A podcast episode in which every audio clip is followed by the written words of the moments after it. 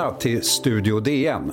Idag med en fråga som kan få stora konsekvenser för turism och näringsliv i Sverige och som redan har skapat hat och hot och beröringsskräck hos politiker.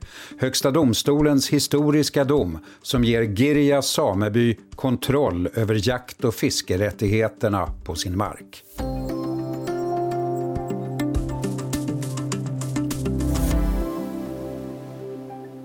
Samtliga ledamöter är ense om att det resonemang som förs i domen angående urminnes hävd leder till att samebyn ska vinna målet. Ja, så här lät det när Högsta domstolens dom förkunnades. Hej, Jonas Fröberg. Hej. Du har ju skrivit mängder av artiklar om den sprängkraft den här frågan har. Varför har du engagerat dig så mycket i det här? Ja, det är nog för att under alla år som journalist har jag nog aldrig sett en sån, ett sånt hyckleri från politikernas sida när det, som när det gäller samefrågan. Att samerna har egentligen, när man pratar med jurister, ganska mycket rättigheter, men Sverige väljer att eh, inte låta dem ha så mycket rättigheter eftersom det är på samma mark som de brukar ha sina renar, det är ju halva Sveriges yta. Så vill staten regeringen ha eh, både gruvor och vindkraftverk och det finns också samefientliga strömmar där som gör det politiskt nästan omöjligt att göra någonting samevänligt. Och det här står väldigt, väldigt mycket mot varandra och därför blir det väldigt, väldigt intressant. Så det är därför de väljer att ligga lågt och, och hålla tyst mer än att, att uttala sig i de här känsliga frågorna menar du? Ja, så är det ju. Det här är en av de känsligaste politiska frågor som vi har i det här landet. Jag har eh, själv bott och jobbat i Kiruna och Gällivare i början av 70-talet. Och det var först då som jag fattade laddningen och de spänningar som fanns mellan samer och en del jägare. Eh, det har ju tagit ett drygt decennium Jonas, att ta fram den här domen. Var du själv överraskad när domslutet kom? Nej, det var jag inte. Eh, för om, man backar och tittar på det här så eh, Många samebyar hade ju rätten att upplåta jakt och fiske uppe i fjällen fram till 1993. Då staten, eller då regeringen och riksdagen tog bort det. Och sen valde då SSR, alltså Samernas riksförbund, att ha en sameby. Det blev då Girjas sameby utanför, eller mellan Gällivare och Kiruna, som blev pilotfall. Och så 2009 så startar man det här fallet och sa att vi vill ha tillbaka den här rätten. Och tanken var ju då att det här skulle gälla för alla samebyar någonstans. Och sen började det här, jag har varit med faktiskt hela vägen, ända från tingsrätten i Gällivare, via hovrätten i Umeå. Och båda de domsluten pratade, eh, eller var egentligen i samernas, eh, samebyns favör. Men hovrätten var mer grumligt. Eh, och därför är jag inte förvånad att det gick så här. Men däremot var det både glädjande och intressant att det är en väldigt, väldigt välskriven dom. Det, det är egentligen en, en, om man är minsta intresserad av de här frågorna ska man läsa den här domen, för det är en bra historiebeskrivning också. Och det är en ganska omfattande dom det här också, där en av eh, nycklarna är begreppet urminnes hävd. Det är inte så ofta man hör det nu för tiden, Jonas. Eh, men det handlar alltså om uråldriga rättigheter. Förklara. Ja, väl, väldigt förenklat är det ju att de här samerna var där först och de har brukat den här, och här kommer ett jätteviktigt ord, marken. Så det, alltså, de kunde verkligen visa det, att de hade gjort det innan eh, icke-samer kom med i bilden och så vidare. Och det var det man gick på. Men det är en ytterst laddad dom med sprängkraft som sagt och hatet mot samer och hoten blossade upp direkt. Det var mörkt, det var snöigt och det var blåsigt. Jag hade släppt ut mina renar och stod där och tittade när de for till skogen. Då kom det en bil. Jag tänkte ju att det var någon kompis eller någonting som stannade för man känner ju mycket personer i byarna. Men då började ju han veva ner rutan och började skrika en massa olämpliga ord. Bland annat att släpp du dina renar hit så, så skjuter vi dem ändå. Då blev man ju förskräckt och lite rädd givetvis. Men det värsta var ju när han, innan han for, det var att han skrek att se er ensamma i renskogen någon gång och skjuter jag er också. Och då, då blev man ju verkligen rädd. och chockad. Renägaren eh, Lars-Ola Jannocks dramatiska berättelse.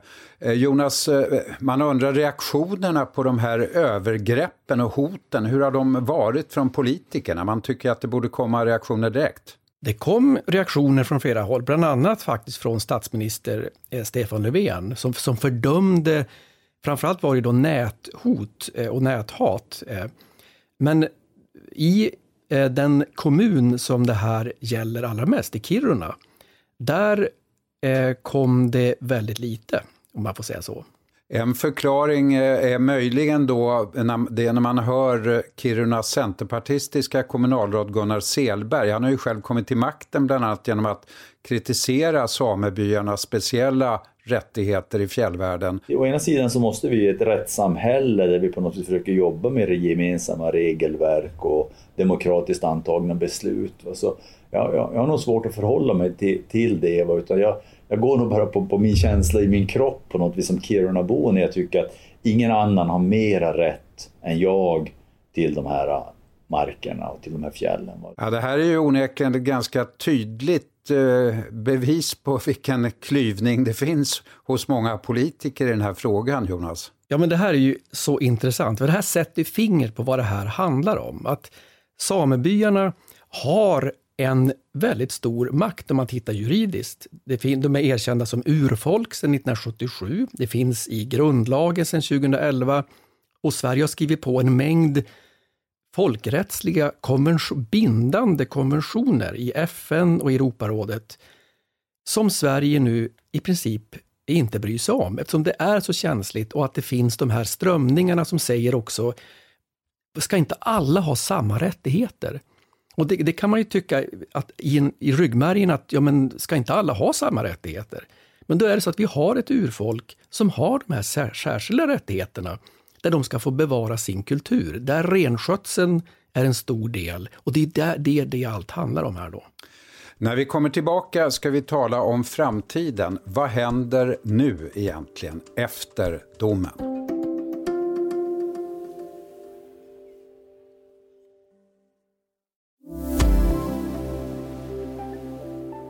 Nej, men det här är en väldigt, väldigt stor fråga som har pågått under under lång, lång, lång tid. Och jag har ju följt med självfallet under den här resans lopp. Och nu, nu har då Högsta domstolen, vilket är vår högsta bedömande eh, position, och de har ju kommit fram till en, en, en dom här.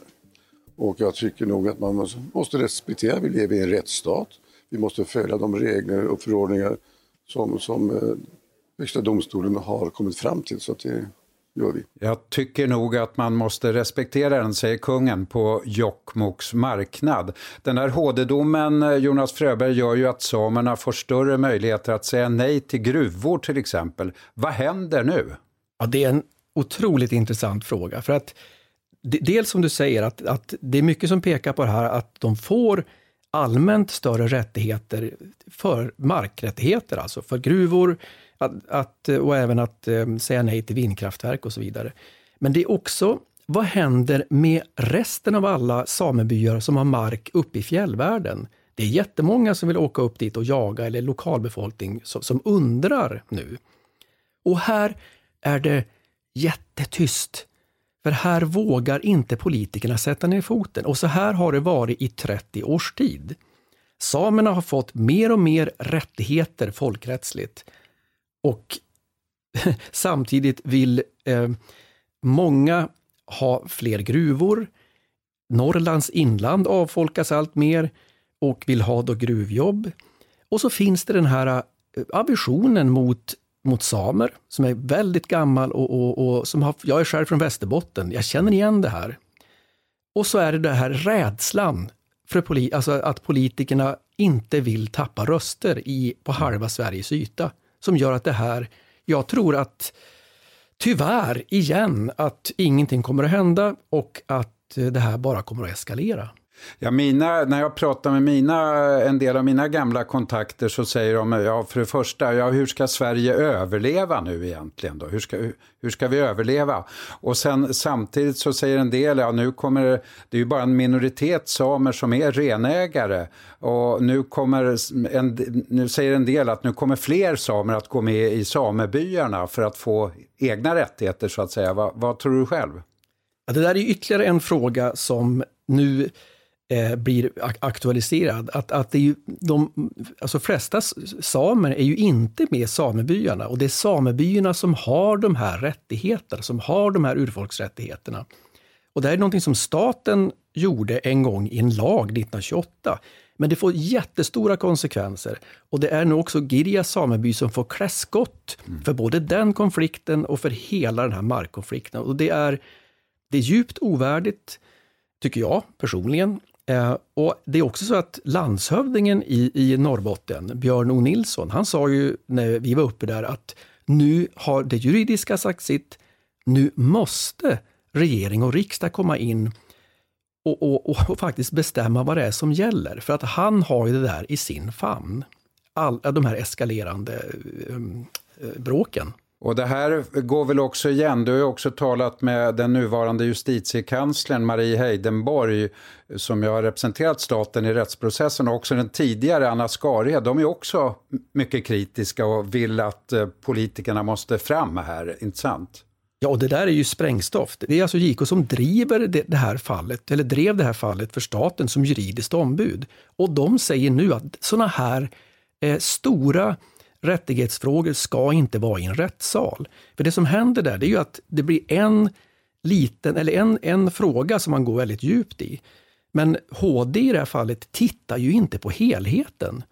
De tittar ju inte på de här djupa, gamla äm, eh, trätofrågorna, utan där måste samhället träda in. Och om det inte är dags nu så är det nog aldrig dags. Det har ju använts, har jag sett någonstans, begreppet en ny relation här. Antingen så är det, handlar det om en ny relation eller nya konflikter. Ja, det är många som pekar på att, att det som borde ske egentligen är att Stefan Löfven sätter sig med de samiska organisationerna, Sametinget och SSR egentligen och säger, hörni, låt oss sätta oss vid det här bordet och prata igenom, eller med, med, med jägare och med hela, alla, som, alla intressenter och se hur kan vi komma framåt? Staten har delat in eh, också, om man tar samer som är med i samebyar och inte, och det finns andra gamla trätor där, att, att sätta sig nu och se, vi bor alla i samma område. Hur löser vi det här? Men det, det händer inte, för det här är, det har varit alldeles för känsligt. Tror du Löfven kommer att, sätta sig sådär? Jag menar, Sverige har ju gett eh, mycket pengar till urfolk i andra länder men man har inte ens skrivit under ett viktigt dokument, ILO, som skyddar urfolkens landrättigheter. Snacka går ju så att säga. Ja, det, det där, just ILO 169 som är en sån här bindande konvention som, som förutsätter att urfolken har ganska stora landrättigheter, eller rättare sagt möjligheter att bestämma att om det kommer en gruva eh, på deras, i samebyområdet, att bestämma om den ska få vara där eller inte, om det stör deras renskötsel. Sverige har alltså drivit den här frågan i 30 år, men inte skrivit under, som en av de ytterst få länder med urfolk inte skriver under. Och det här, det är, det är, liksom, det är en, en det är skenhelighet av, av, av, stor kaliber. Och medan detta händer, så att säga, eller inte händer snarare, så, så fortgår alltså hoten mot samer och hatet mot samer. Vad är det senaste du hör? Ja, det var i slutet av mars här där skoterförare kör över renar och lämnar dem och självdö i, i skoterspår. Att, att det här har fortgått nu under vårvintern. Men det som kan komma direkt som nästa steg nu, det är ju att fler samebyar eh, startar rättsprocesser. Eftersom HD sa att i princip att, att har man liknande områden som Girjas, eh, då finns det stora möjligheter att det här går igenom för dem också. Och här borde ju regeringen gå in och sätta ner foten. För det finns ju en risk att om det blir fler, fler process, rättsprocesser, och det här, det, det är ju deras fulla rätt att göra, och det ska de göra om de känner för det. Men risken är att det blir större konflikter av det också. Tack Jonas Fröberg. På måndag i Studio DN. Det skulle bli den bästa tiden i deras liv. Så kom coronakrisen.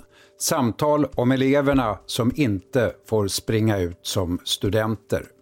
Ljudillustrationer idag Lotta Herdelin och TT. Studio DN görs av producent Sabina Marmelakai, exekutiv producent Augustin Erba, ljudtekniker Patrik Miesenberger och teknik Jonas Lindskog, Bauer Media. Jag heter Lasse Bengtsson. Vi hörs!